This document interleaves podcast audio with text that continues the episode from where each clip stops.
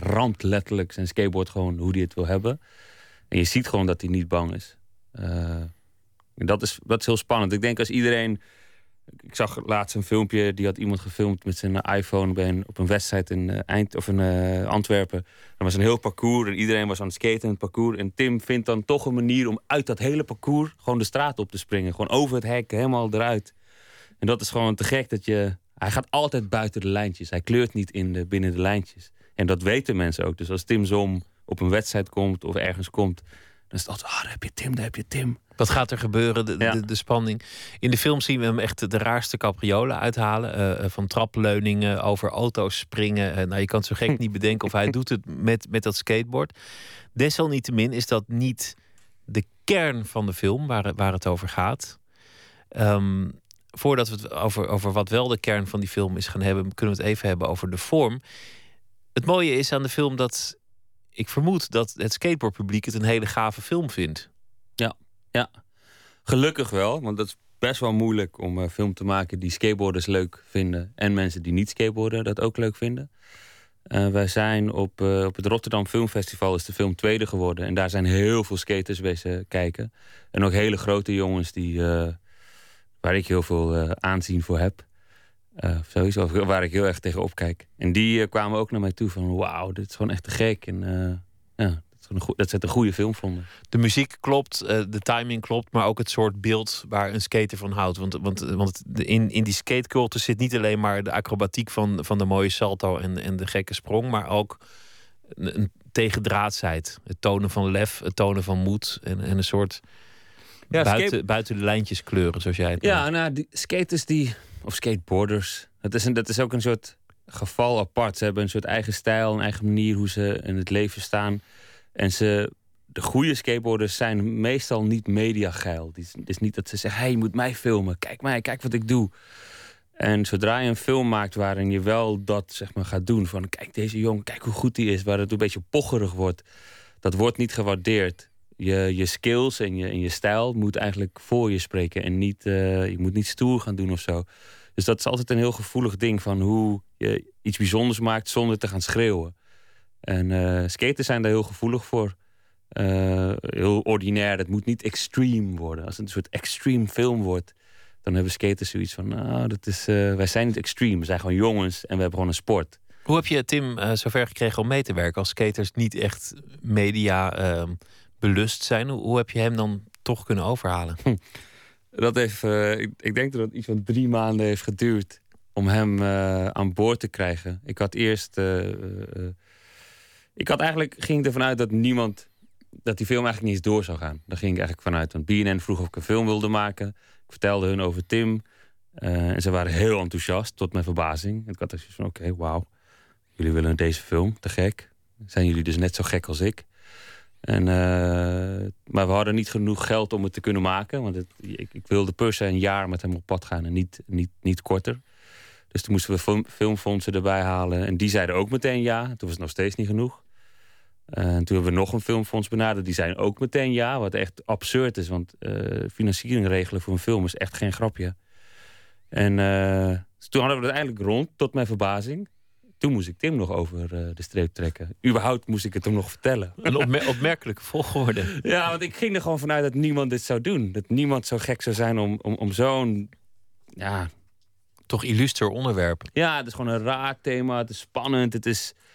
Skateboarders ik weet dat mensen niet filmfondsen en scholen en allemaal dat soort dingen zitten niet te springen om, uh, om, om, dat onderwerp. Maar op een of andere manier is dat nu wel, mocht dat wel, of mocht, komt dat door mijn vorige film, dat er bewezen is dat het wel degelijk inhoud kan hebben en te gek kan zijn. En, uh, maar in ieder geval, toen uh, alles rond was, heb ik Tim gebeld en gezegd van hé, hey, we moeten even kletsen. En ik heb hem al best wel lang niet gezien. En toen hebben we afgesproken in Rotterdam. En toen heb ik hem verteld van ik wil heel graag een film over je maken. En eigenlijk wil iedereen deze film wel. En het eerste wat hij meteen zei is van... Nou, hij was heel sceptisch. En wat hij daarna zei was gewoon... Ik, wil, ik wil het niet hebben over vroeger. En ik wil niet praten over mijn vader. Maar ja, ik wilde dat wel heel graag. Want dat is wat hem heeft gevormd. Uh, en, en... Dat is het verhaal eigenlijk. Ja. Opgroeien in, in Rotterdam, in bepaalde delen van Rotterdam, Zuid. Wat kan je daarover zeggen? Over, over de, de achtergrond waarin hij opgroeit. Wat betekent het om in, in de buurt op te groeien waar, waar Tim Som is opgegroeid? Ja, dat is, mensen vragen dat vaker. Van, ja, hoe wil je dan uitleggen wat die achtergrond is? Ik ben daar niet opgegroeid, dus ik kan daar niet zoveel over zeggen. Ik denk als je Rotterdam-Zuid in Google intoetst... en je vind je dat wel, zeg maar. Ik, ik, denk niet dat het aan mij is om dat uit te leggen. En ik vind het ook uh, pushy om te zeggen wat ik vind wat Rotterdam-Zuid is. Maar, maar je hebt toch een beeld gemaakt in ja, je film? Ja, nee, zeker. Maar ik, ik, ik, laat, ik, ik vul het niet in voor de kijker. We, we, we suggereren het en we, en we leggen wel, zeker wel wat op tafel. Maar ik denk een, een, een simpel voorbeeld is bijvoorbeeld dat Tim vertelde mij dat hij op zijn tiende al in zijn eentje in de metro en de bus en de trams uh, overal naartoe ging. Nou, als je bedenkt dat een jongetje van tien al helemaal alleen op straat rondzwerft en rondhangt en doet waar hij zin in heeft, dan kan je al bedenken van oké, wat, wat, wat er dan kan gebeuren. En dat is wat Tim heeft gedaan. Hij heeft gewoon van jongs af aan heel veel op straat. En dan uh, maak je van alles mee en je groeit in bepaalde hoeken, je maakt bepaalde vrienden en uh, vul het maar in. Zijn moeder komt uh, aan het woord in de documentaire. Zijn oma komt aan het woord in, in de documentaire. Uh, er komen andere familieleden aan het woord in de documentaire. Die allemaal een beeld scheppen van de jongen die permanent in de problemen zat. Elke dag uh, aan het vechten was. Met, in aanraking kwam met de politie. Een van zijn naaste familieleden noemt hem op camera een enorme eikel. Zijn moeder vertelt dat ze zelf aangifte tegen hem heeft gedaan. Het, het was in zijn jonge jaren geen lievertje. Ja, ja hij doet wat hij voelt. ja. hij volgt zijn hart, zeg maar. Laten we uh, luisteren naar een fragment waar heel veel om te doen is geweest. Uh, zelfs een rechtszaak, omdat er andere mensen al een soort voorvertoning op tv zagen. En, en niet wilden dat het werd uitgezonden, omdat zij herkenbaar in beeld waren. Nou ja, dat, daar hebben ze hun zin in gekregen. Maar je kunt wel iets horen over wat er, wat er zich afspeelt. En het is eigenlijk een, een akkefietje tussen skaters en omstanders. Want dat hoort ook bij het skaten, dat de omstanders niet altijd op je zitten te wachten. En dat skaters dat niet altijd, uh, nou ja, even, hoe zou ik het zeggen, zachtzinnig oplossen. Of dat ze niet altijd meteen toegeven aan de wensen van de omstanders. Ja, we zijn, ze zijn natuurlijk allebei, uh, uh, hoe heet het, maken we gebruik, of allebei die groepen maken gebruik van de openbare ruimte. Dus ja, we zijn blijkt toch altijd klein, die openbare ruimte. Ja, precies. Dus het maakt, de skateboard maakt lawaai. Niet iedereen vindt dat leuk. Ja, hoe ga je dan met daarmee om? Skaters mogen ook op de stoep zijn. Nou, mensen die niet skaten ook, ja. We gaan luisteren naar het fragment. Ja, Tim was heel gefrustreerd. Tim is een gesloten man. Tim zegt niks. En natuurlijk omdat hij zoveel opgekropte dingen heeft. fuck jou, vriend. Ja, is het gewoon een lopende op een gegeven moment. Maak een foto. Maak een foto, vriend. Moet je niet doen, vriend. Oprotten. Hé, hey, joh. Rot op, man. Wat doe je? Hé, hé.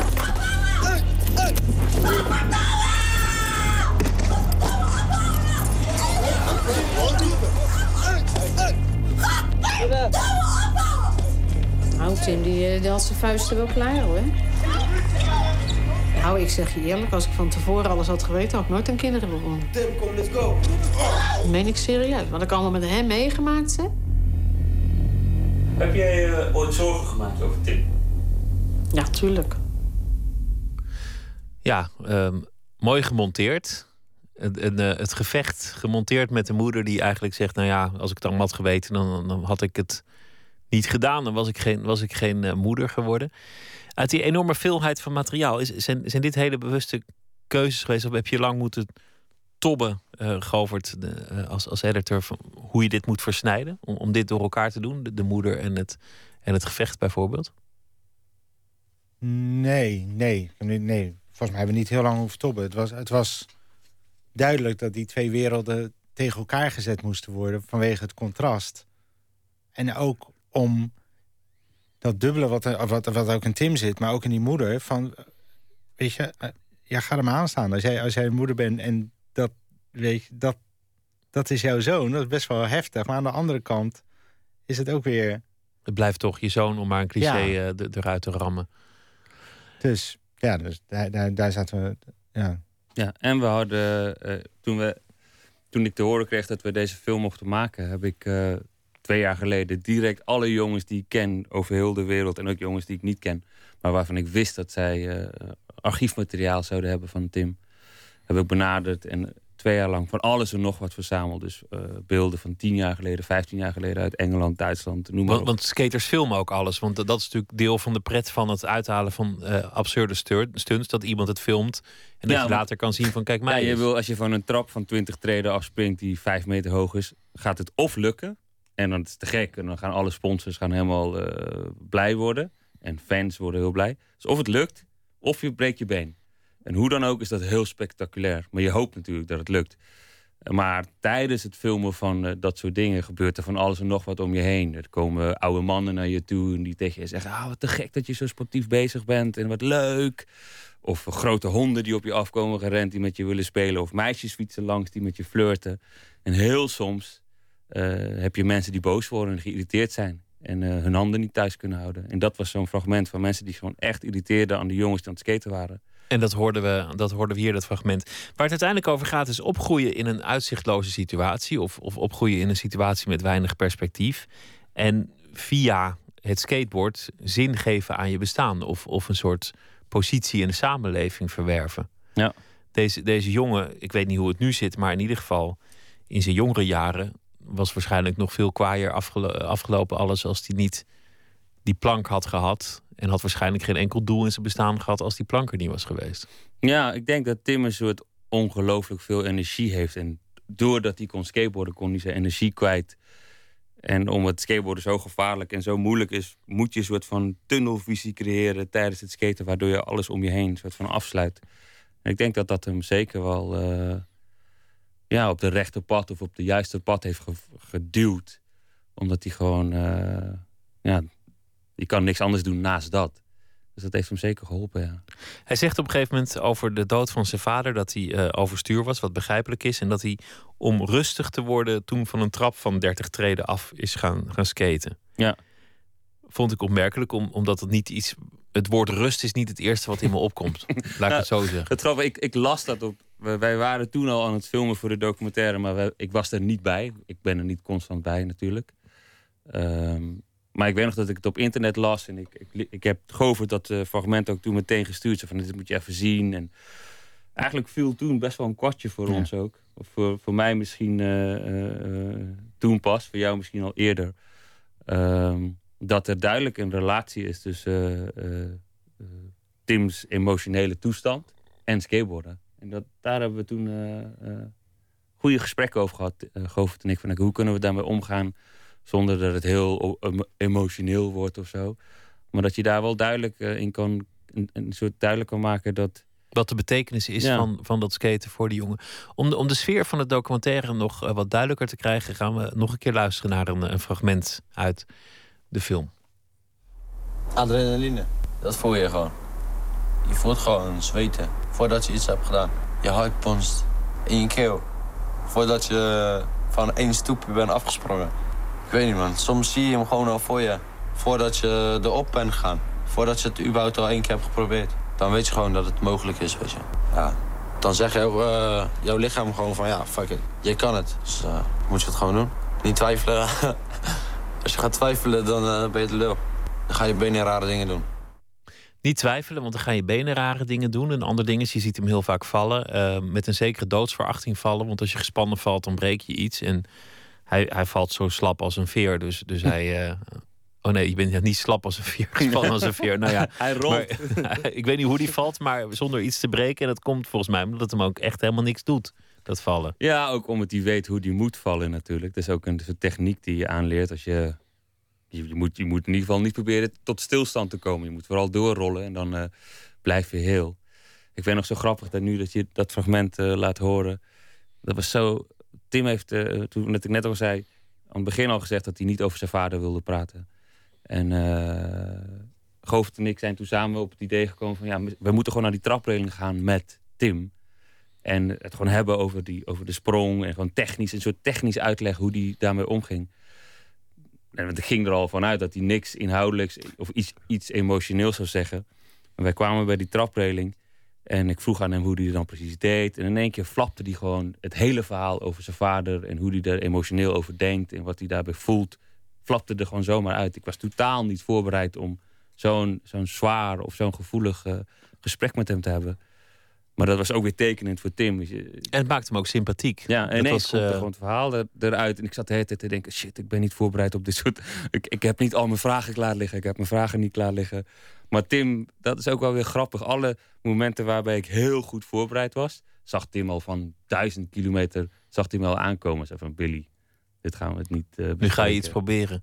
is het om, om zo'n jongen te volgen? Want uh, televisie is natuurlijk altijd moeilijk... omdat je iets puur en echt wil laten lijken... maar daardoor moet je heel vaak zeggen: ah, kan je dit nog één keer doen? Of dit moet nog even over? Of de camera is nog niet klaar.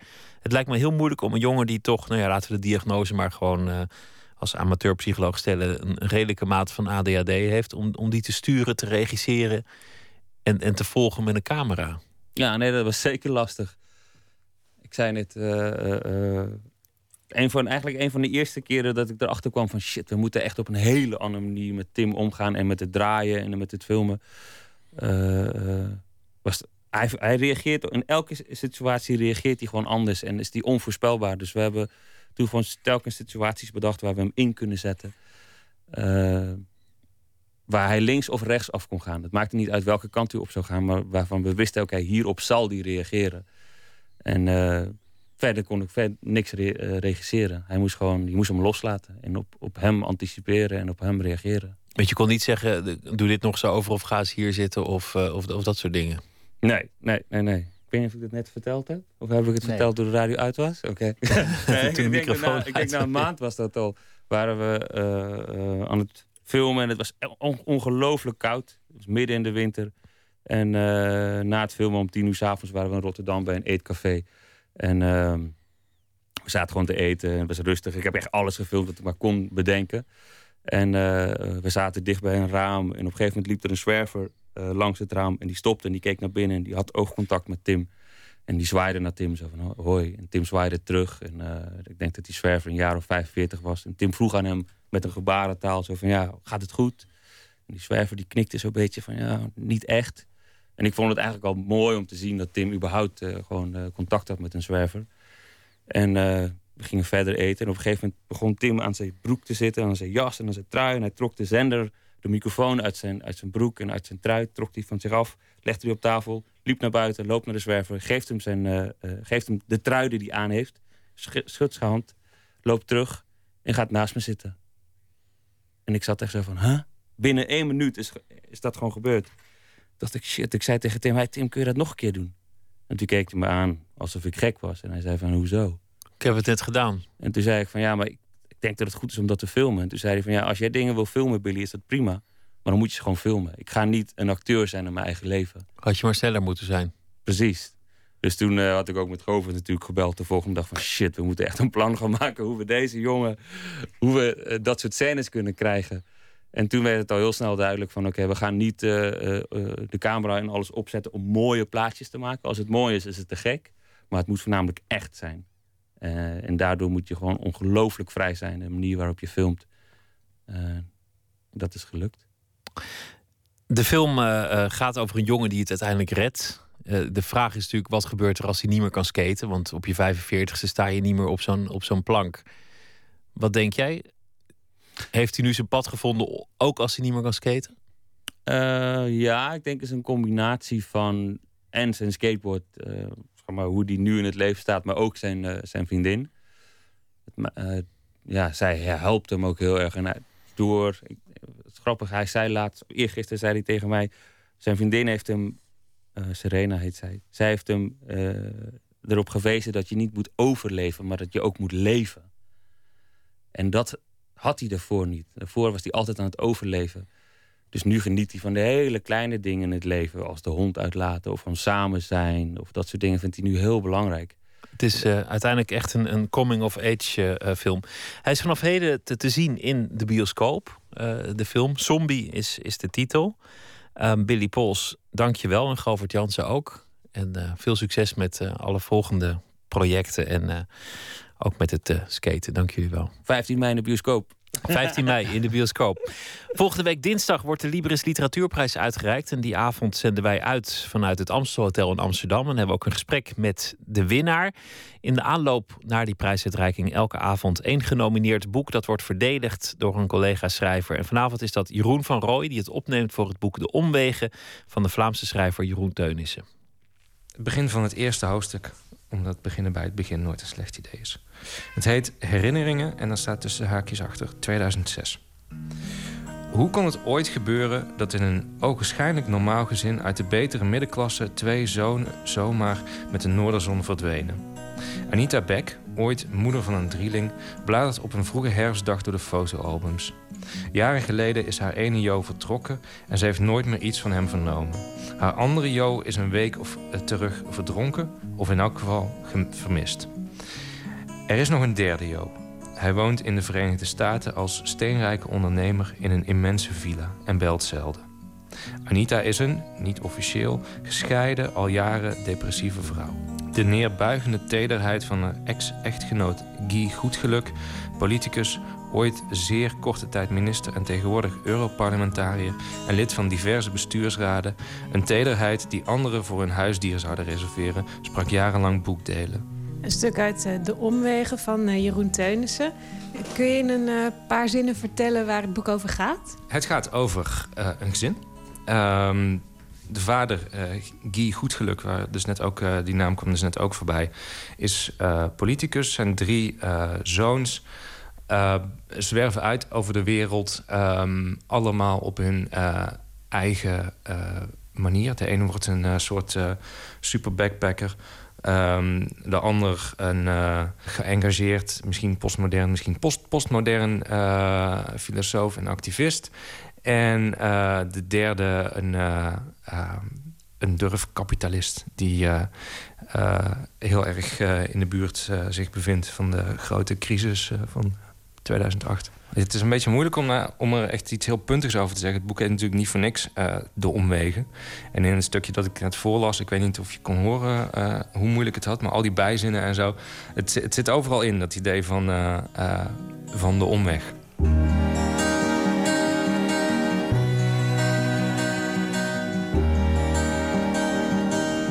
Wat vind jij zo mooi in het boek? Nou ja, juist dat, je, um, dat het boek een beetje doet wat de personages doen. En dat je gewoon dat je de hele tijd um, meegesleept wordt en je weet niet uh, precies waarheen. En dan gaat het weer een andere kant op. En het heeft allemaal op de een of andere manier met elkaar te maken. Maar hoe en wat is nog nooit helemaal uh, duidelijk. Of net als het moment dat je denkt: oké, zo zit het. Dan gaan we weer een andere zijweg in. En dan komen we weer ergens anders terecht.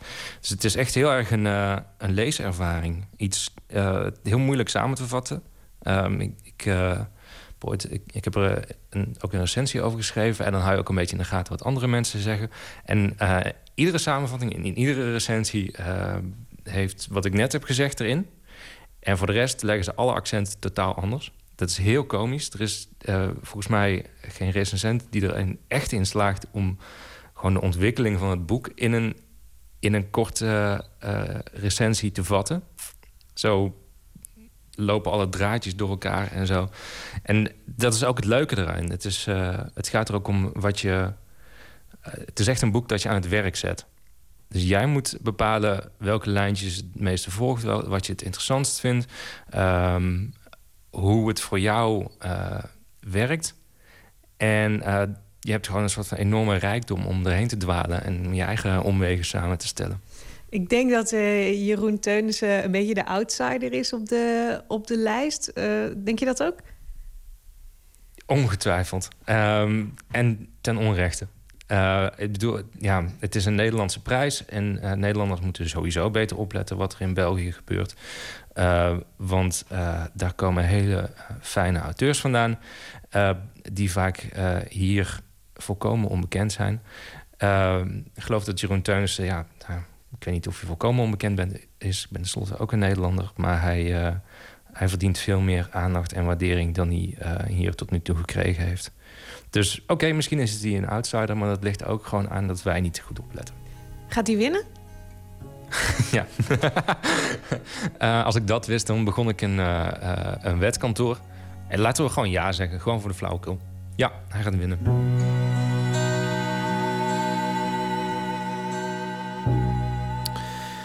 De omwegen van uh, Jeroen Teunissen gaat dus uh, de Librisprijs winnen, vindt Jeroen van Rooij.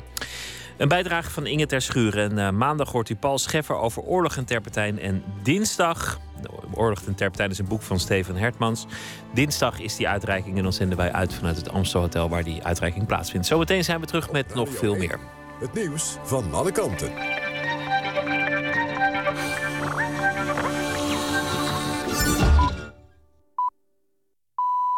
1 uur, Christian Bonenbakker met het NOS Journaal. Een Nederlandse drugshandelaar heeft een deal gesloten met de Amerikaanse justitie. Het gaat om Michael S. uit Woerden. In ruil voor een bekentenis en medewerking aan het onderzoek krijgt hij 15 jaar cel. En daarvan mag hij een groot deel in Nederland uitzitten. De 23-jarige S verdiende miljoenen met drugshandel op internet via de website Silk Road.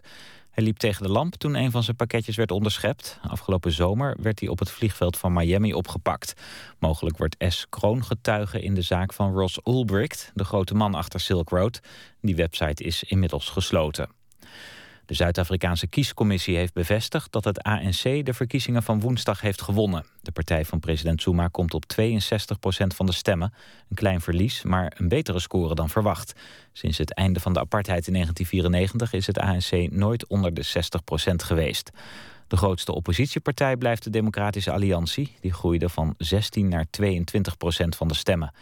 De nieuwe extreem linkse partij Economic Freedom Fighters komt op ruim 6% Die partij is opgericht door Julius Malema, die drie jaar geleden met veel bombarie uit het ANC werd gezet. In Spanje zijn elf spoormedewerkers aangeklaagd voor de treinramp van vorig jaar bij Santiago de Compostela. Het gaat om functionarissen van het bedrijf dat het spoor beheert, zeg maar het Spaanse ProRail. Volgens een onderzoeksrechter hebben ze onvoldoende gedaan aan de veiligheid van de spoorlijn. Afgelopen zomer kwamen bij Santiago de Compostela 79 mensen om het leven toen een trein ontspoorde in een bocht. De machinist werd al eerder aangeklaagd omdat hij 192 km per uur reed, waar maar 80 was toegestaan. Ook zat hij vlak voor het ongeluk te bellen. Het weer. Vannacht wordt het enige tijd droog en de wind neemt af. Minima tussen 7 en 11 graden. In de ochtend gaat het vanuit het zuidwesten weer regenen en harder waaien. In de namiddag breekt nog even de zon door. Het wordt dan 12 tot 17 graden. Dit was het NOS Journaal. Radio 1. VPRO. Nooit meer slapen.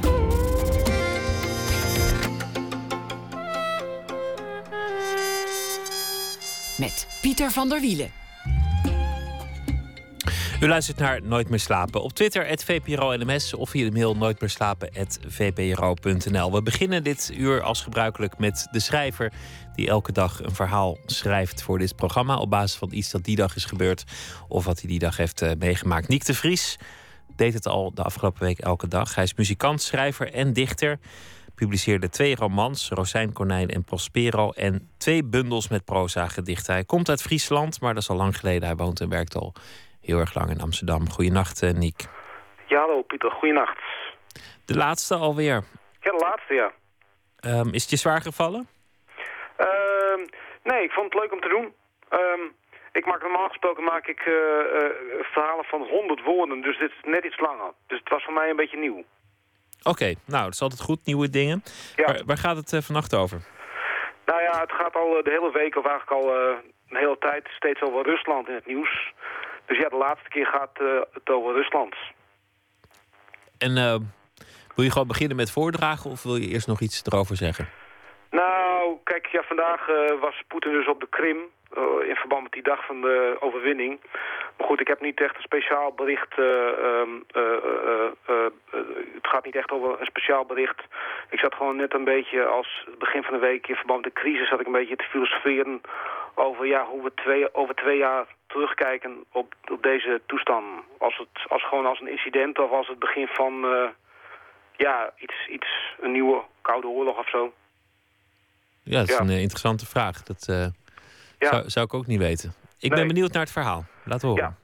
Het heet, eh, normaal gesproken had het geen titel, maar deze keer heeft uh, het verhaal wel een titel en het heet Aanhoudend Mooi Weer. Komt-ie. Sommige mensen weten niet waar ze naartoe gaan. Ik wist precies waar ik naartoe ging. Over de A6 reed ik door de polder terug naar Friesland. Voor de verjaardag van mijn zus. Het was een mooie zonnige zondagmiddag.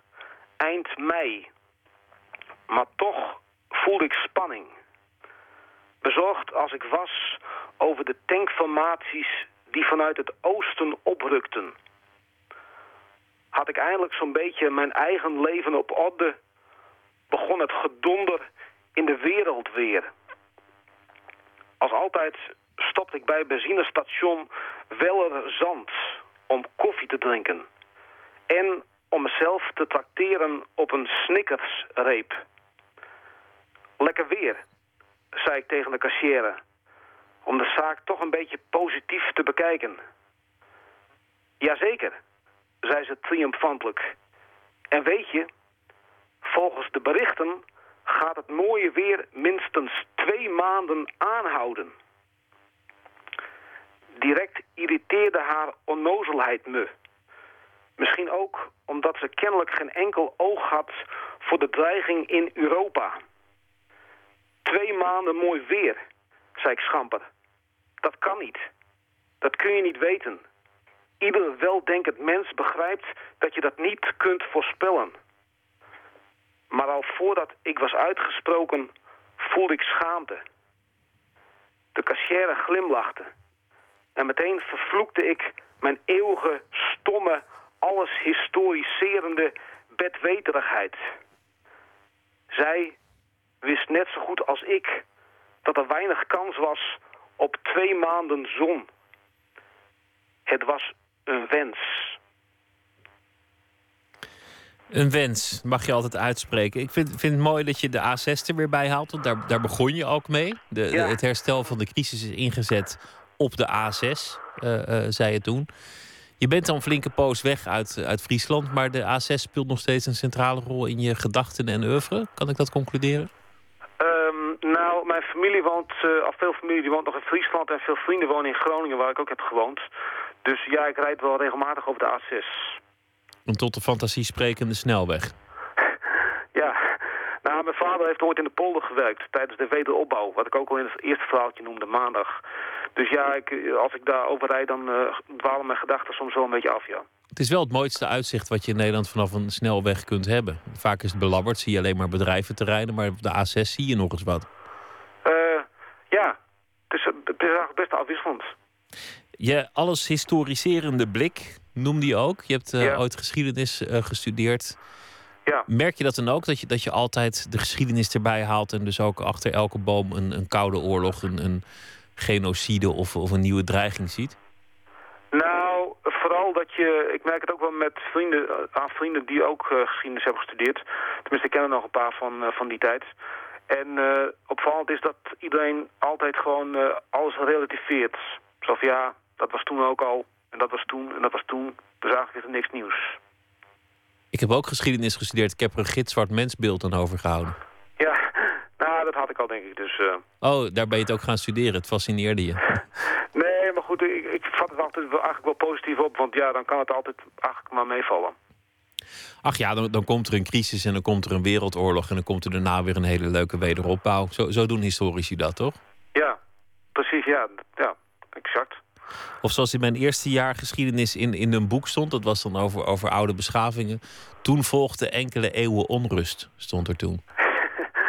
ja, en om nog eentje te noemen over Rusland. In het Rusland van Nicolaas II heerste de rust van het kerkhof. Oh, dat is ook mooi, de rust van het kerkhof. Nou ja, daar, daar eindigt de geschiedenis op persoonlijk vlak altijd natuurlijk. Niek, dank je wel. Het was leuk ja. uh, om met je te praten. Het was leuk okay. om je verhalen te horen. Ik uh, wens je heel veel succes met alles wat je gaat doen. En uh, voor nu een hele goede nacht. Ja, oké. Okay. Dag. In Nederland kennen we de Zweedse singer-songwriter Lieke Lee vooral van haar door Triggerfinger gecoverde hit I Follow Rivers. Maar ook haar eigen werk trekt inmiddels aandacht. We gaan een zo'n liedje draaien, I Never Learn.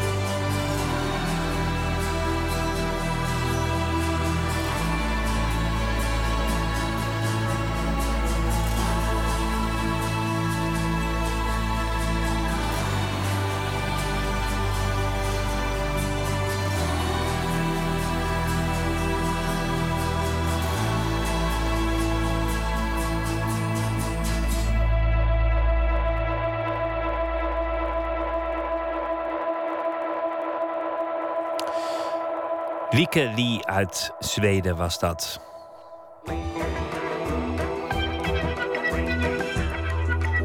U luistert naar de VPRO op Radio 1 Nooit meer slapen. Vandaag is het Food Film Festival begonnen. Een festival helemaal gewijd aan films over voedsel, landbouw en de voedingsindustrie. Eten, het is een populair onderwerp. Op televisie kun je 24 uur per dag kijken naar kookprogramma's. En kookboeken en boeken over gezond eten in de boekwinkel reiken in grote stapels praktisch tot de hemel. Overal vind je informatie over eten. En toch weten we steeds minder goed wat gezond is. Althans, zo lijkt het.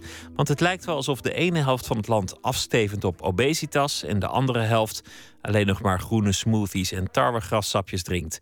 Wat is er aan de hand met ons voedingspatroon? Kortom, lijden we misschien aan collectieve voedselverwarring? Onze verslaggever Emmy Colau gaat het uitzoeken.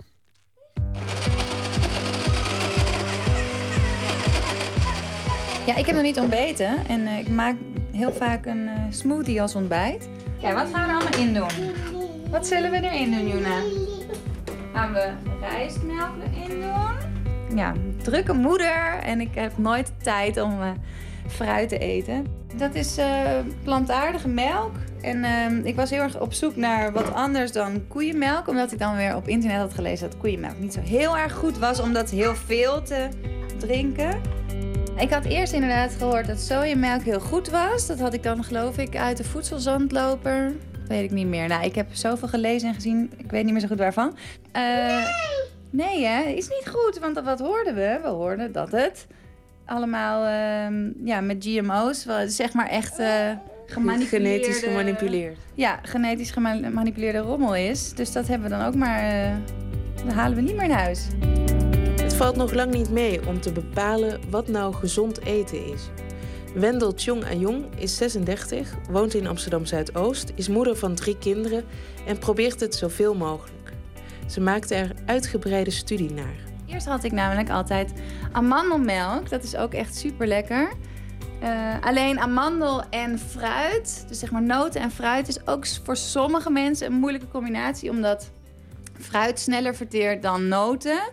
Dus om dat uh, als combinatie te gebruiken in een smoothie is het ook niet helemaal... of het kan problemen geven met je spijsvertering of je kan er last van krijgen. Dus dat viel ook af. oh ja, ik doe er nog een beetje lucuma poeder in.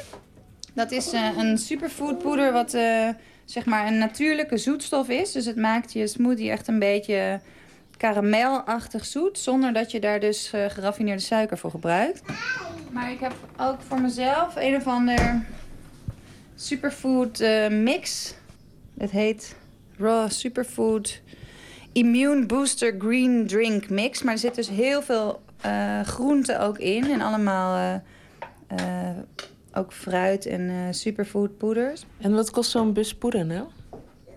Nou, dat, je doet er goddank wel heel erg lang mee. Maar ik heb hier toch wel... Uh, wat, hoe duur was dit?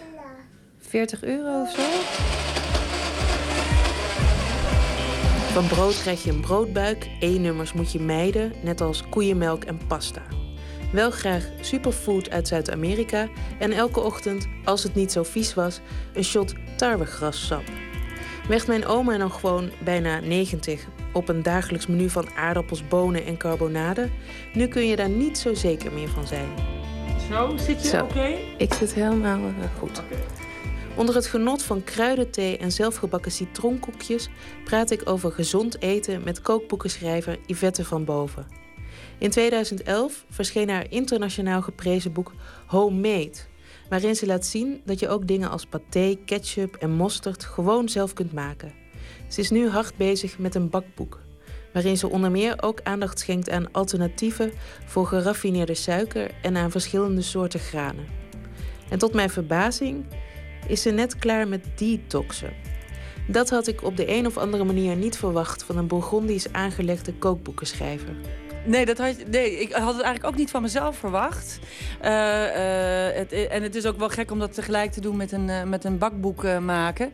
Maar het moest er gewoon een keer van komen. Ik vond het ook wel interessant als, als onderzoek. Wat gebeurt er met je als je zoiets doet?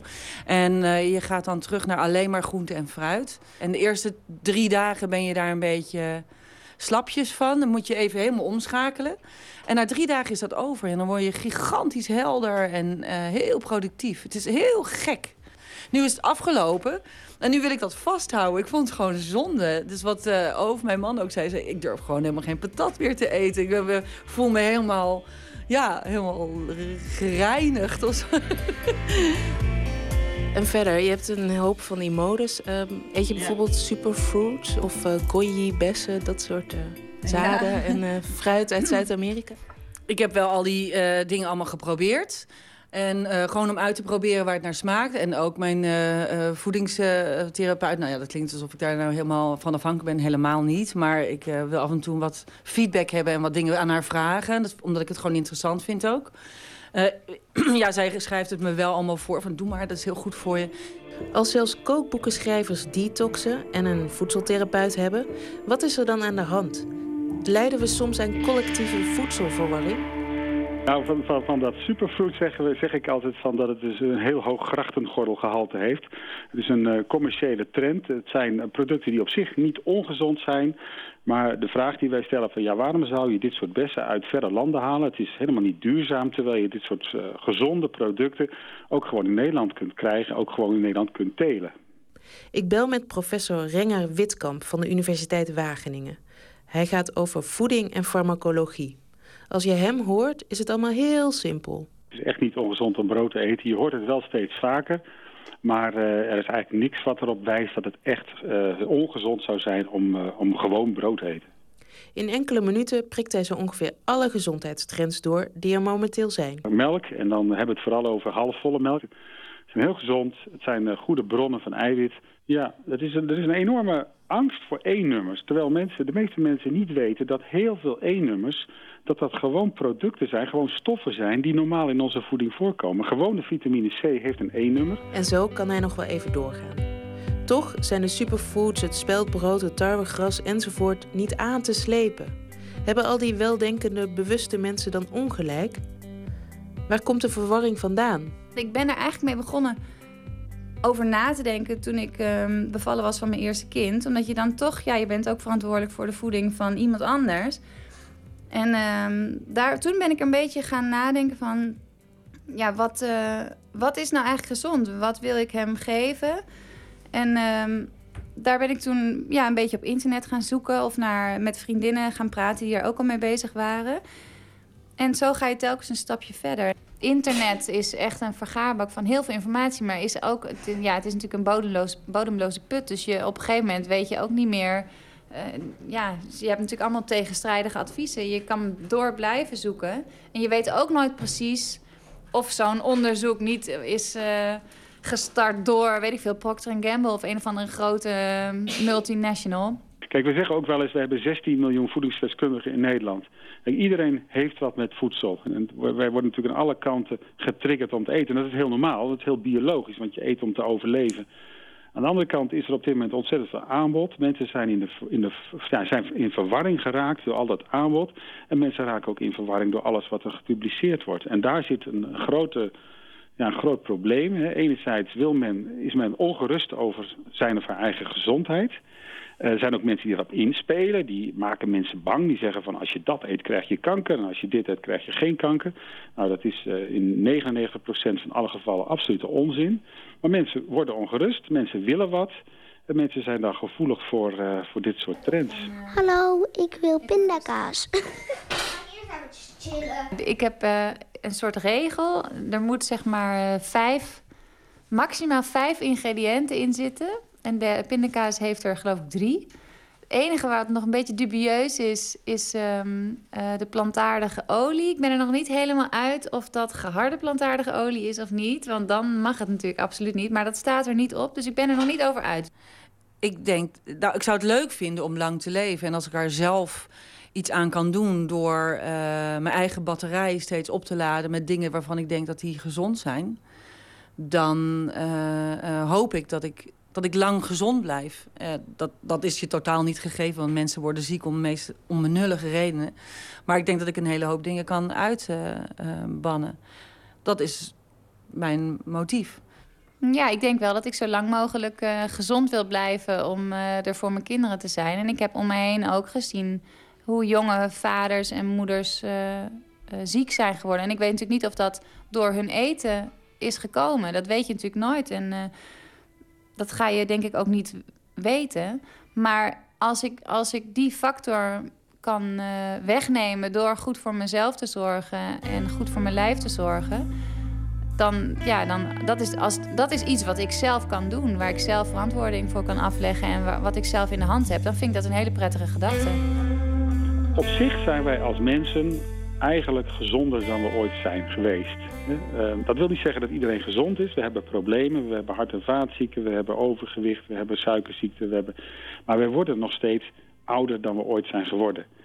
Ehm, mensen zijn zich heel erg bewust. Mensen geloven op dit moment heel erg in de maakbaarheid der dingen. vroeger eh, was er een hiernamaals, dan kon je daarin geloven, dat was allemaal prima. Tegenwoordig zijn mensen, ja, het moet nu gebeuren, we moeten gezond zijn. Mensen eisen gezondheid, mensen willen gezondheid. En mensen denken van, ja, ik moet er alles aan doen om dat te bereiken. Aan de andere kant eh, zien die mensen ook dat ze aan alle kanten minder gezond worden en minder gezond worden gemaakt. En mensen ervaren ook, ze worden ook aangesproken door allerlei andere media weer op ongezond gedrag. En hoe vaak hoor je niet van, ja, we moeten minder eten, we zijn te dik. En mensen worden gewoon ongerust gemaakt. Ik vind het heel moeilijk om er niet in mee te gaan, omdat ik, hoe meer je daarmee te maken hebt, hoe meer je je bewuster van wordt. En op een gegeven moment word je bijna, weet je, denk je, nou ja, ik eet maar echt alleen maar de spinazie die ik op mijn, uit mijn balkonbakje zelf heb geteeld. Dat vind ik gewoon te ver gaan. Maar het is ook moeilijk, hoe meer je weet, hoe banger je gemaakt wordt. En uh, uh, je moet daar keuzes in maken. Je moet ook op een gegeven moment maar gewoon normaal eten. Ja, maar je kan eigenlijk ook niet meer terug. Want je weet eigenlijk gewoon te veel nu. Dus je kan niet meer doen alsof je niks meer weet. Ik denk wel, en ik ben niet de enige die dat denkt... we denken dat steeds meer als wetenschapper... dat we echt op moeten passen met hoe wij naar buiten treden. Een van de oorzaken, denk ik zelf, maar ook daarin ben ik niet de enige... is dat heel veel laten we zeggen, nieuws wordt opgepikt. Wetenschap is natuurlijk continu in beweging, maar wetenschap produceert elke dag nieuwe resultaten. En de media die springen daar heel snel op in. En dat is aan de ene kant heel goed bedoeld, want wij moeten open zijn, moeten transparant zijn. Maar heel vaak zijn het geruchten, zijn het kleine vindingen. Men heeft iets gevonden in een muis en een rat. Men heeft iets gevonden in een reageerbuis. En het wordt meteen met een grote kop in de krant geplaatst van... dit of dat is goed tegen nou, een of andere ziekte... of dit of dat beschermt tegen kanker. We moeten gewoon misschien wel later met resultaten naar buiten komen. We moeten niet gaan voor uh, zeggen, de media-aandacht. En uh, ja, ik probeer wel om, om niet helemaal door erin, erin door te slaan. Maar um, er zijn ook uh, vriendinnen van mij die bijvoorbeeld hun kinderen niet laten inenten. Ook door de gifstoffen die er in de vaccinatie zouden zitten. En dat vind ik, daar, daar ben ik nog niet. Dat is voor mij nog steeds een stap te ver. Omdat ik nog steeds vertrouwen heb in de onderzoeken uh, die daar uh, zich mee bezig hebben gehouden. Maar dat is dus ja, ook hoe ver je kan, je kan zo ver ermee uh, bezig zijn. Maar daar, daar, dat is voor mij zelfs nog een stap te ver. En soms is het beter om gewoon eerst eens rustig af te wachten. Om eens te kijken van, goh, hoe is, zit het nou echt? Kunnen we dit bevestigen? En niet met het eerste beste bevinding naar buiten te komen. Ja, en, en als wetenschappers dat dan toch doen, is dat dan ijdelheid of zo? Ik, ik, kan me best voorstellen dat er bij sommige mensen... Kijk, wetenschappers zijn denk ik niet meer of minder ijdel dan heel veel andere beroepsgroepen. Je kunt ook zeggen dat het huidige onderzoeksklimaat... waarbij geld een enorme rol speelt... Hè, de overheid vraagt het ook van ons. Wij moeten, wij moeten onderzoek doen is wat relevant is voor de maatschappij. We moeten onderzoek doen is wat relevant is voor de industrie. Dat betekent ook dat je dat moet laten zien... En daar kan ik me voorstellen, en ik zie dat ook gebeuren... dat sommige mensen dan wel eens denken van... nou, ik ga het even laten zien dat ik goed bezig ben... dat ik leuke dingen vind die goed zijn voor de mensen en leuk zijn voor de mensen. En dan kom ik dan mee naar buiten, want dan krijg ik misschien de volgende keer eerder geld. Nou, dat zijn ontwikkelingen die, denk ik, niet gunstig zijn uiteindelijk... voor de kwaliteit van de wetenschap. Ik, ik, ik ben gewoon heel benieuwd waar het naartoe gaat. Ik heb dus het idee dat we in een soort tussenfase zitten omdat we door de jaren negentig zo vreselijk veel aanbod hebben gekregen... en, en alles zo overdadig is geworden... dat uh, uh, we het het, dat we gewoon weer heel. Hè, iedereen wil weer terug naar de basis en stadstuinieren en kippen op je balkon en uh, dat soort dingen. Mensen krijgen een soort paniek van die overdaad. Wat op zich gewoon een soort reactie is. En ik denk dat het hierna wel weer in zijn in goede banen zakt. En dat iedereen gewoon een stukje bruin brood uh, eet bij zijn lunch, maar niet meer 17 boterhammen en gewoon een salade maakt. Weet je dat iedereen daar een soort balans in gaat vinden? Dat geloof ik best.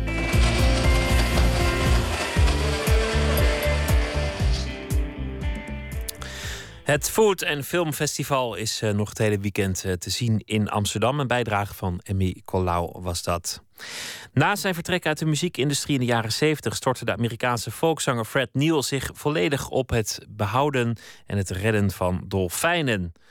En een voorbode dat hij dat zou gaan doen konden we al uh, zien in 1966. Dit liedje, The Dolphins.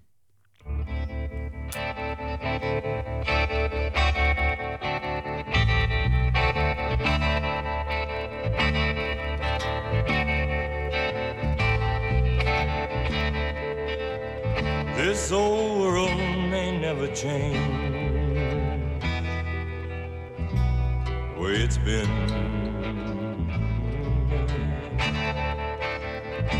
And all the ways of war can't change it back again. I've been searching for the dolphins in the sea.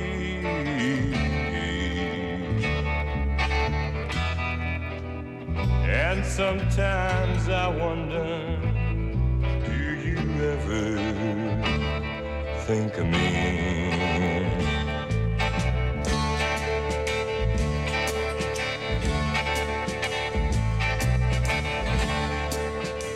I'm not the one to tell this world how to get along. I only know that peace will come when all hate is gone. I've been a searching for the dolphin in the sea.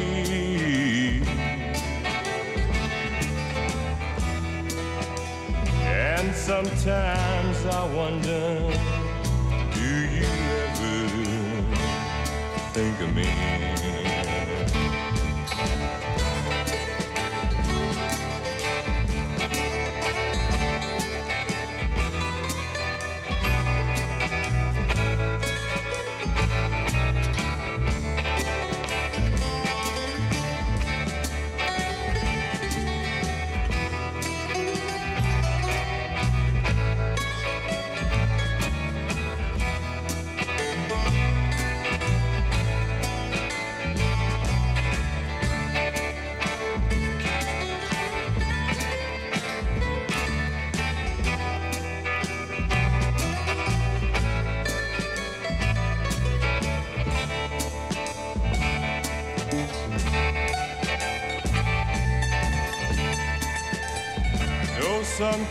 Sometimes I think about Saturday's child and all about the time when we were running wild. I've been searching for the dolphins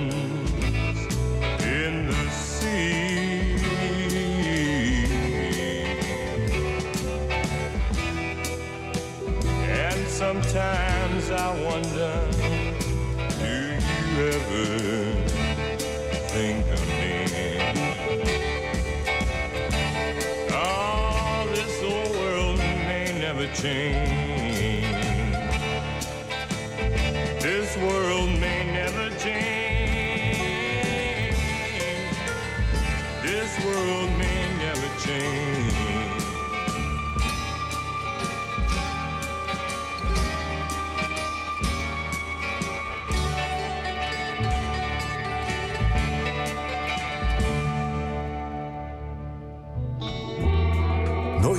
Slapen.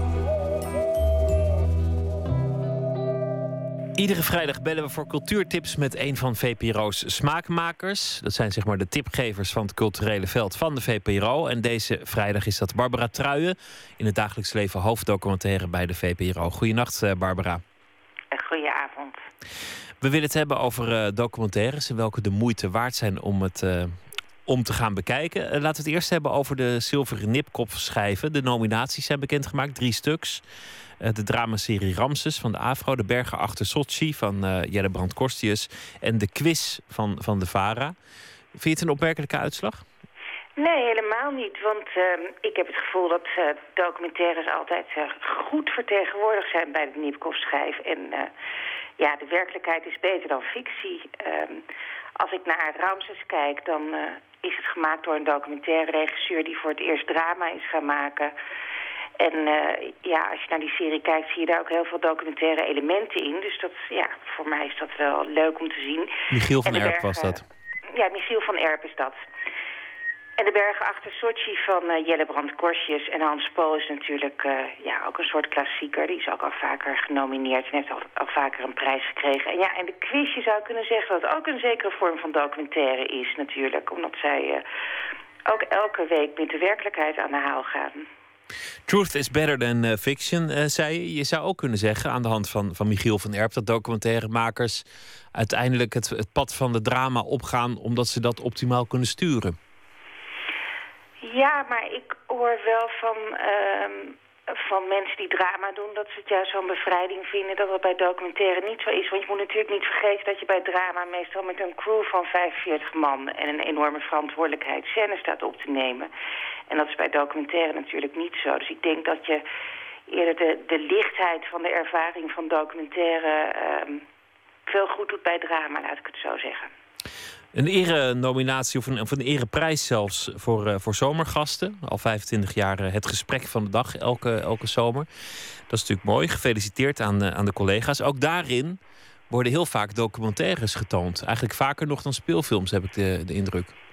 Ja, nou ja, ik heb daar dus ook het gevoel van dat als je zelf ook nadenkt van wat zijn nou ehm, uh, momenten, televisiemomenten die mij echt raken... dan is dat heel vaak toch uh, het echte leven en het documentaire. En dat zie je in zomergasten altijd enorm terug. Dat vind ik ook heel mooi om te zien. Maar ja, het echte leven raakt meer dan als het in fictie is. Laten we aan de slag gaan. Want jouw taak is om ons uh, documentaires aan te raden... die op dit moment te zien zijn op televisie, op het web of uh, in de bioscoop. Wat wil je aanraden? Nou, eigenlijk zou ik voor uh, de komende week uh, de documentaire van Koen Verbraak willen aanraden. Die heet Getekend, Veteraan in Therapie. Is van onze collega's van de NCRV. En dat gaat over Nederlandse oorlogsveteranen met posttraumatische stress. En die uh, volgen een therapie bij de veteranenzorg.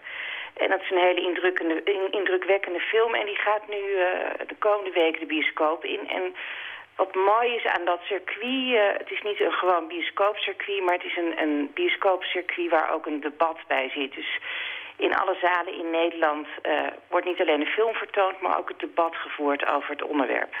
Over de posttraumatische stressstoornis? Ja, nou ja, en vooral over de therapie die daarvoor is... en de zes hoofdpersonen in de film uh, die dat volgen. En dat is een hele indrukwekkende film. En zal ook in september op televisie zijn, maar nu eerst in de bioscoop met debat. En dat is natuurlijk heel goed. Het lijkt me een moeilijk onderwerp om, uh, om te maken als journalist, omdat je niet zo makkelijk toegang krijgt tot een kamer waar therapie wordt bedreven. Het is hem ook, hij heeft er heel lang over gedaan, maar omdat Koen Verbraak ook een Nipkoff-winnaar overigens, ja, uh, toch wel ja, een bijzonder talent heeft en een integriteit in zijn interviewtechniek heeft, is het hem toch gelukt. Maar hij, is wel, heeft er echt heel lang over gedaan en het is ook heel bijzonder dat hem gelukt is. Um, Kees Brouwer, een collega ook. Wat, uh, wat is er bijzonder aan de naam Kees Brouwer? Nou, als je in het telefoonboek uh, de naam K. Brouwer opzoekt... dan kom je hem 300, 3663 keer tegen. Op Facebook uh, 54 keer, op LinkedIn 31 keer. Kortom, er zijn in de wereld duizenden Kees Brouwers... Dus bijvoorbeeld een parketlegger en een zendeling, maar ook een bankdirecteur of een verzetsheld of een hoogleraar. En er is ook een documentairemaker en die heet ook Kees Brouwer. En die wil nou een documentaire gaan maken over mensen die dezelfde naam dragen. En vooral van ja, wat, wat is de gezamenlijke identiteit van al deze Kees en wat zegt dat nou eigenlijk over mij? Dat heb je met meer namen natuurlijk. Je hebt ook de schrijver Joost de Vries. Niet te verwarren met de journalist Joost de Vries. Onlangs won hij een prijs. Ja. dan staat er Joost de Vries wint een prijs. Ik denk dat dan honderden krantenlezers denken, ben ik dat? Ja, precies. Waar kunnen mensen die ook Kees Brouwer heten zich melden? Dat kunnen ze doen uh, online bij uh, Kees Brouwer aan elkaar geschreven, vpro.nl. En uh, ik neem aan dat jullie dat ook wel op de site kunnen zetten. En je kan ons ook gewoon ouderwets bellen op een telefoonnummer. En dat is 035 6712 232. Dat herhaal ik nog een keer 035 6712 232. Ik neem aan alleen tijdens uh, kantooruren. Als iemand nu belt, dan zal die wel uh, ja, nee, de beveiliging krijgen. We zijn op dit moment spotjes aan het uitzenden op televisie... Uh, waarin we op zoek zijn naar Kees Brouwers. En het is heel grappig, want op het moment dat zo'n spotje daaruit is... dan drie minuten later komen er weer een paar nieuwe Kees Brouwers binnendruppelen die natuurlijk allemaal hun eigen bijzondere verhalen hebben. Dus uh, volgens mij wordt het echt een mooi portret van Nederland, maar dan door de ogen van Kees Brouwer. En, en hoe uh, noteren jullie dat dan? Kees Brouwer met een telefoonnummer en dat dan keer 30? Ja, nou ja, het is ook heel grappig, want die, al die mailtjes komen binnen. Die zijn natuurlijk allemaal van Kees Brouwer. Dus in het begin trapte ik daar ook in, dacht ik... hé, hey, is dit onze eigen Kees? Maar dan was het toch een e-, andere Kees. En ze nemen natuurlijk allemaal de telefoon op met Kees Brouwer. Dus we geven ze allemaal een codenaam. Nou, lijkt me een lastige productie om, uh, om te weten welke Kees Brouwer je nou precies al hebt teruggebeld en uh, welke nog niet. Mailen naar keesbrouwer.vpro.nl als je zelf ook uh, Kees Brouwer heet of een Kees Brouwer kent. Barbara Truijen, dankjewel en een hele goede nacht. En jij ook, dankjewel. De Amerikaanse singer-songwriter Passenger, het alter ego van Mike Rosenberg, heeft een nieuwe plaat aangekondigd. Dat wordt zijn zesde. En uh, we gaan luisteren naar de eerste single. Die is alvast uh, vrijgegeven. Hearts on Fire.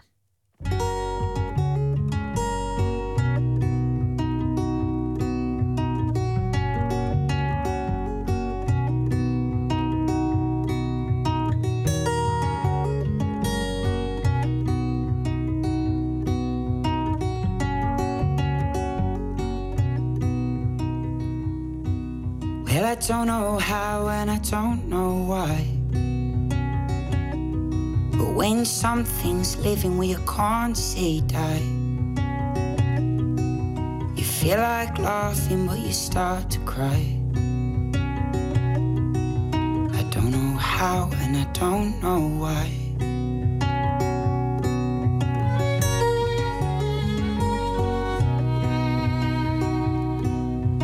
Don't have many and I don't have much. In fact, I don't have any, but I got enough. Cause I know those eyes and I know that touch.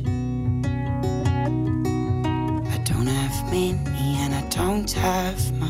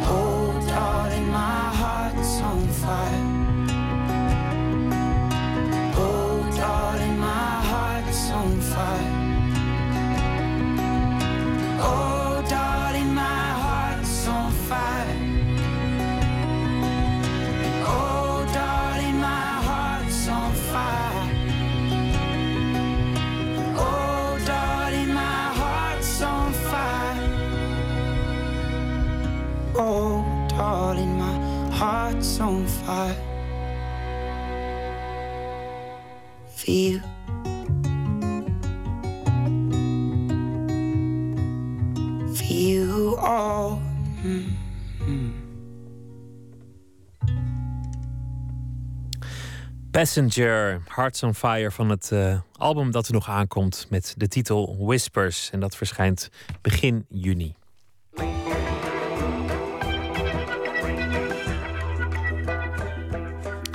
U luistert naar de VPRO op Radio 1, het programma Nooit meer slapen. En dan nu het feit dat wij leven in een buitengewoon unieke tijd. We hebben de droom van onze voorouders namelijk gerealiseerd.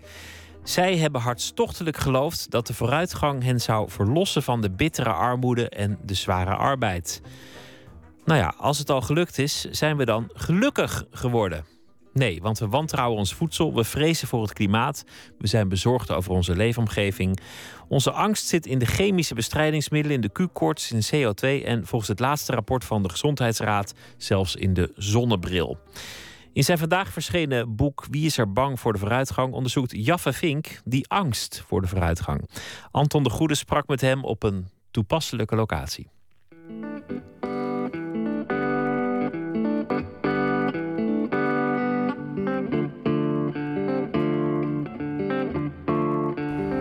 Jaffe Vink, daar staan we dan aan het Amsterdamse ei voor een gesprek over je boek Wie is er bang voor vooruitgang?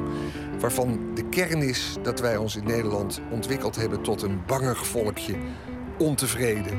En dat we niet zien in wat voor heerlijke, fijne, technologisch fantastische wereld we leven.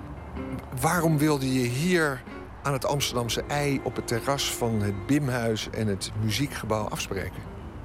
Nou, ik vind het een uh, fantastische plek van deze prachtige stad Amsterdam... die ook weer de, het water uh, verovert, de haven verovert. En is dit een gebouw uh, met een glaswand van zo'n 10, 12 meter hoog. Staal en glas. Nou, de, dat was een revolutie in de architectuur. Een van de mooiste gebouwen aan de Broadway uit 1854 was het warenhuis Howard. En waarom ik dat noem? Omdat in dit warenhuis van, van staal en glas toen is de eerste beveiligde lift geïnstalleerd. Maar waarom is een lift zo belangrijk? Omdat dat hoogbouw mogelijk maakte. Dus dat is het symbool van het begin van de verstedelijking in de 19e eeuw. Je bent heel tevreden in deze enorm technologische wereld. Er vliegen hier vliegtuigen over. Het is ook af en toe een herrie van belang. Je bent een gelukkig man. Ja, de, de uh, essentie is onze rijkdom, onze wereld, onze welvaart is een uh, overwinning op de armoede. Op de bittere armoede en de zware arbeid. En daar kunnen we heel gelukkig mee zijn. En als je nu, dat is ook nog het mooie van dit punt. Dus enerzijds heb je hier dit prachtige gebouw eh, van glas en staal. En dan kijk je uit op het Centraal Station. Ja, 1839, het treintje naar Haarlem. Ja, toen begon de modernisering van Nederland. Je boek is ook een geschiedenisboek. Jij komt zelf uit eh, Groningen en de veenkolonies. En je zegt dan, ja, dat is daar eeuwenlang onveranderd hard werken geweest... voor mensen die geen perspectief hadden. Die arm geboren werden en arm stierven. En dan komen we nu naar onze tijd en naar hoe de mensen ervoor staan. Want je zegt, Waarom zijn die mensen dan allemaal zo vaak ongelukkig? En waarom zijn we zo bang voor catastrofes? Er is sprake van een apocalyptische verleiding. Wat bedoel je daarmee? Nou, allereerst denk ik dat we uh, nu in een unieke historische periode leven, in een fantastische tijd. En toch is er dat onbehagen, die onrust, die angst, die paniek. En daar probeer ik achter te komen, waar komt die angst vandaan? En dan zie je dus waar het de moderne tijd betreft. Uh, dat de laatste 200 jaar hebben we de ontwikkeling gehad van industrialisering en verstedelijking. Die is uitgemond de laatste 50 jaar in een enorme economische groei. In het westen en langzamerhand ook naar uh, andere, gebieden, of andere landen zoals uh, India of China en nog veel meer landen. Maar dat er ook een schaduwkant zichtbaar is geworden. Dat begon in de jaren 60 met het grote milieuproblemen. Enerzijds de uh, luchtvervuiling, de watervervuiling. Die, dat kwam ook, werd ook zichtbaar omdat die industrialisering een enorme groeispurt doormaakte. Dan, dus toen werd dat zichtbaar. En de chemische bestrijdingsmiddelen. Er was in 1962 ook een markant boek van de, uh, Rachel Carson in Amerika, een biologe. Dat heet Silent Spring. En dat, zij gaf voor het eerst kritiek op die chemische bestrijdingsmiddelen. En dat kwam met de voedselketen terecht. En dat was, dat was een grote verdienste van haar. Tegelijk was dat volkomen apocalyptisch getoond zet. Dus Silent Spring, dode lente, is de lente van het apocalyptische jaar waarin de vogels niet meer zullen zingen. En die apocalyptische toon is niet meer uit de milieubeweging weg geweest tot de dag van vandaag. Ja, en je schetst de geschiedenis die uitmondt in de Club van Rome waar een heleboel politici eigenlijk blindelings achter gingen staan. Je hebt ook voorbeelden, krasse voorbeelden van uitspraken. Geef eens één citaat wat daar illustratief voor is. Voor die apocalyptische verleiding waar heel veel mensen dus kennelijk in zijn getrapt. Nou, dit, de problematiek van de Club van Rome... Uh, die pakte toen ook op het probleem van de enorme bevolkingsgroei... en de angst uh, dat we die niet konden voeden. Dat, dat was van, van eh, Paul Ehrlich. Paul Ehrlich, Amerikaan bevolkingsexplosie, schreef hij in 68. En zijn voorspelling was... honderden miljoenen mensen zullen, aan de, zullen de hongerdood sterven. En sommige landen, hij stelde dus voor een soort oorlogsethiek, triage. Sommige landen moet je helpen die nog te helpen zijn. Sommige landen moet je helemaal laten vallen. India, Egypte, gewoon aan de, aan de goden overlaten. Hè? Terwijl ik niet in God geloofde natuurlijk. Uh, dat is erg opgepakt door de Club van Rome in 1971, 1962, 70. De grote wereldproblemen, en dat waren dan ook de milieuproblemen... maar ook de bevolkingsgroei, de voedselsector, grondstoffen. En die wilden ze in één keer. Nou, dat rapport is in Nederland in concept veel eerder uh, gepubliceerd. En uh, het NRC Handelsblad augustus 71 op de voorpagina ramp bedreigt wereld. Uh, computer brengt catastrofe in beeld. Want dat was het fascinerende. Al die gegevens hadden ze in een computer gestopt. En dat waren die eerste computers, die waren nog zo groot als. Al die computers, allemaal die, dat pessimist, dat hele hoop pessimisme, smeten ze in die computer en het kwam er dubbel zo hard uit. En toen dachten ze, ja nee, de computer zegt, het gaat helemaal de verkeerde kant op. Nou, hier in Nederland hebben de media dus er een, een stortvloed van aandacht geweest in 71. En dat was ook meteen, uh, de politiek pakte het op. Uh, van Mierlo, Den Uyl, Mansholt, maar ook uh, premier Biesheuvel in die tijd. Dus uh, binnen een maand was er bij de algemene beschouwingen in de Tweede Kamer heel veel aandacht voor. En van Mierlo, die, die pakte, dat was ook nog in de het groei en vooruitgang. Ja, dat, dat, dat, dat, was, dat waren fenomenen die de mensheid zullen vernietigen. En hij citeerde iets uit de Haagse Post van Weel Brugsma, zijn vriend Weel Brugsma, die ook helemaal in de club zat. En dan uh, zegt hij, ja, het, is, het is een beetje een lastige zin van die tijd, maar hij, hij zegt het zo van, van Mierlo.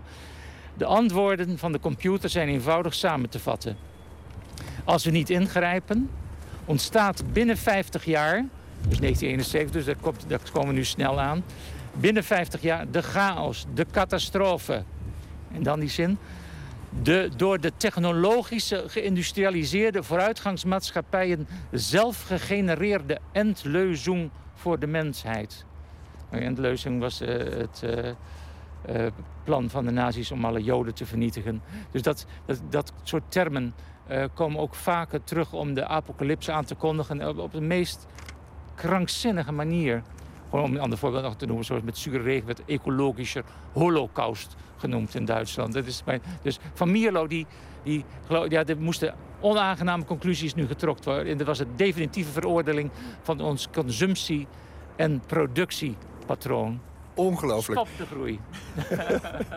je, je, illustreert in dat boek uh, niet alleen uh, dit soort uh, krasse dingen... maar ook dat dat onder brede lagen van de bevolking aansloeg... en echt gewoon gemeengoed werd om bang te zijn. Bang voor het feit dat vluchten eigenlijk niet meer kon. En er was een hit die dat nog eens een keertje letterlijk zo bracht. He? Jenny Arian. Ja, Frans Halsema. Nee, dat was, een, dat was dus ook meteen in november. In november 71 was, uh, ging de première van Annie M. G. Schmid nu naar bed uh, in, in première. Die heeft twee jaar lang succes door, door het land getrokken. Enorm, honderden voorstellingen. Ja, er is een lied, Vluchten kan niet meer. En, zo. en dan gaat het over de, de laatste bloem en de laatste vogel. En dat, maar dat zat allemaal in die tijd. De laatste vogel, dat is Rachel Carson, Silent Spring. Alle vogels zullen niet meer kunnen leven. Dat is, dus prachtig lied, maar niet gezellig.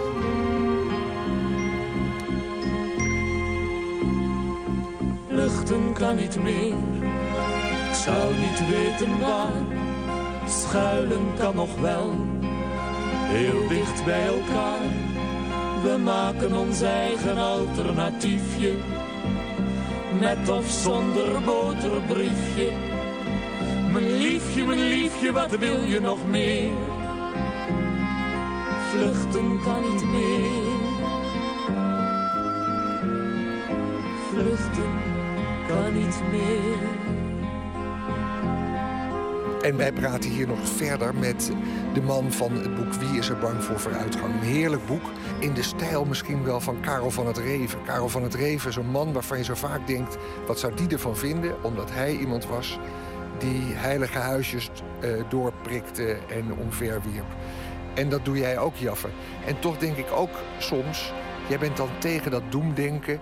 kies je oppositie, jij ziet de waanzin van de milieubeweging.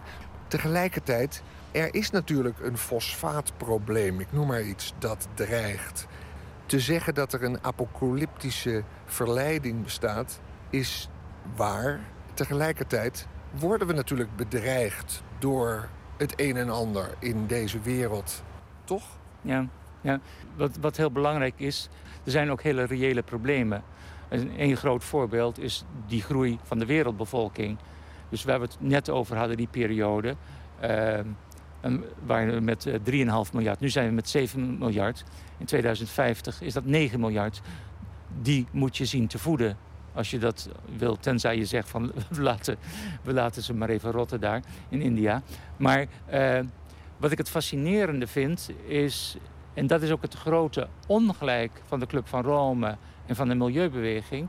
is de Amerikaanse landbouwkundige Norman Borlaug. Niemand kent hem, ik zal het spellen. Dus belangrijke naam. B-O-R-L-A-U-G. Onthoud die naam. En op zijn Amerikaanse geïmporteerde Noor, die uit arme Noorwegen kwam, Borlaug. Maar ik zeg Borlaug.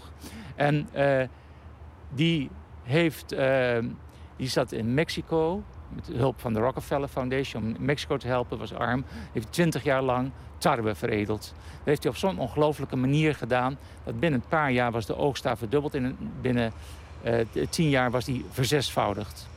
En hij heeft, dus dat, dit, is gewoon geen, dit is gewoon saai, even, even saai doen. Hè? Gewoon niet apocalyptisch, gewoon saai. Hard werken daar op die velden. Eh, 20 jaar veredelen, 6000 kruisingen maken. En dan eerst ziektebestendiger maken, een vollere aar maken. Toen heeft hij het met een Japanse dwergtarwe uh, gekruist. Die heeft dus een, een dikkere stengel, 60 centimeter in plaats van 1,20 meter. Dat wuivende graan, dat wuift dan minder, staat strakker, staat beter in het gelid. Je kunt er meer van uh, planten. En je kunt het beter mechanisch oosten. Ja. Dat was geweldig. Kortom, deze man staat voor het menselijk vernuft. En daarvan zeg jij, die kant moeten we benadrukken. En dat is waar het heil en zegen vandaan moet komen. Ja, hij is toen in de jaren 60 is hij naar India en Pakistan gegaan. dreigde grote hongersnoden. Hij is met het Mexicaanse zaad wat hij ontwikkeld heeft... heeft hij daar gebracht met grote politieke en culturele moeilijkheden. Uh, en binnen een aantal jaren, in 1968, was de oogst in Pakistan verdubbeld. En was uh, Pakistan zelfvoorzien. Een paar jaar later India. Dus Paul Eerlich met zijn voorspellingen. De Club van Rome met de voorspellingen. Die, kwamen, die waren al, al niet meer goed toen ze het. Dat is een, een groot verraad. Dat is ongelooflijk. Dus iemand die... En hij heeft, zoals ik ook weet, hij heeft in 1970 de Nobelprijs voor de Vrede gekregen. Omdat hij in de dramatische wedloop tussen de bevolkingsgroei en de voedselproductie het pessimisme veranderd heeft in optimisme. 1970. Niemand die het weet. En jij spreekt over het grote verraad. En wat is dan het grote verraad? Uh, het grote verraad is, is, is, de, is de apocalyps. Het, de wereld gaat naar de ondergang. En hij gaat gewoon aan het werk op die velden in India en Pakistan. En hij weet een miljard mensen van de hongerdood te redden. Dat is wat jouw boek duidelijk maakt. We lopen vaak achter heersende meningen aan. En het gaat erom om helder na te denken. Wat ik ook ontzettend leuk vind van Borlaug, die was gewoon aan het werk. Die was ook helemaal niet geschikt voor de televisie. Dus toen die grote apocalyptische man Paul Ehrlich op stond. Hè. Misschien ken je hem niet helemaal, maar die was wereldberoemd. Die had 200 televisieuitzendingen per jaar. En, maar dat was ook het begin van de talkshows. De late night show van Johnny Carson. Weet je waarom ik nou zo moet lachen? Dat in zo'n tussenzinnetje van... ja, die was ook niet geschikt voor televisie. Daarin ben jij eigenlijk iemand die ook weer op een soort rare manier... een apocalyps schetst. Zo van, ja, maar door de televisie en doordat iedereen aanloopt achter de verkeerde mensen... Eh, gaat het ook allemaal mis. Dus op een soort rare manier ben jij ook iemand die dan opeens heel veel kwaad en slechtigheid ziet. Nee, nee, nee, nee, nee. Ik hou erg van die talkshows. Ze hebben een beperking, daar wijs ik alleen op. En kijk, wat die, hij, uh, dat, dat, dat, was vroeger, dat was de, echte, dus de eerste late night show van Johnny Carson. Dat, wat enorm succes was dat. Fantastisch, het was fantastisch. Nou ja, die talkshows die hebben nu nog heel veel succes. Maar zo'n zo'n boer met van die hele dikke vingers die niet goed uit zijn woorden kwam. Ja, ja, die, die haal je dan niet van de velden uit India. Ja, nee, dat, dat, dat deden ze niet. Ja, nee, dat kan ik ook niet helpen. Jaffe Vink, prachtig boek, Ode aan het menselijk vernuft. En dat we kanttekeningen moeten plaatsen bij de apocalyptische verleiding. Dankjewel. Graag gedaan.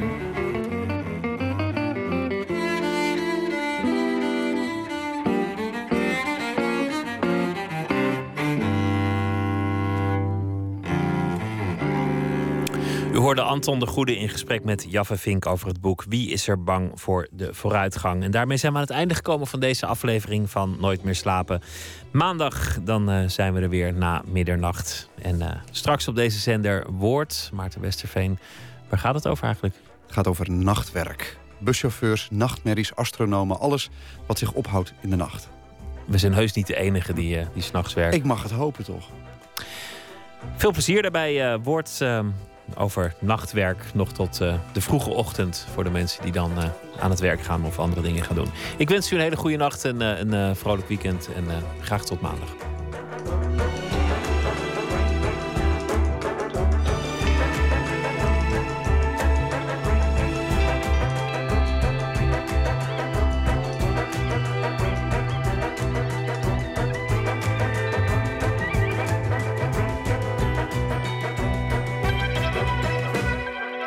Radio 1.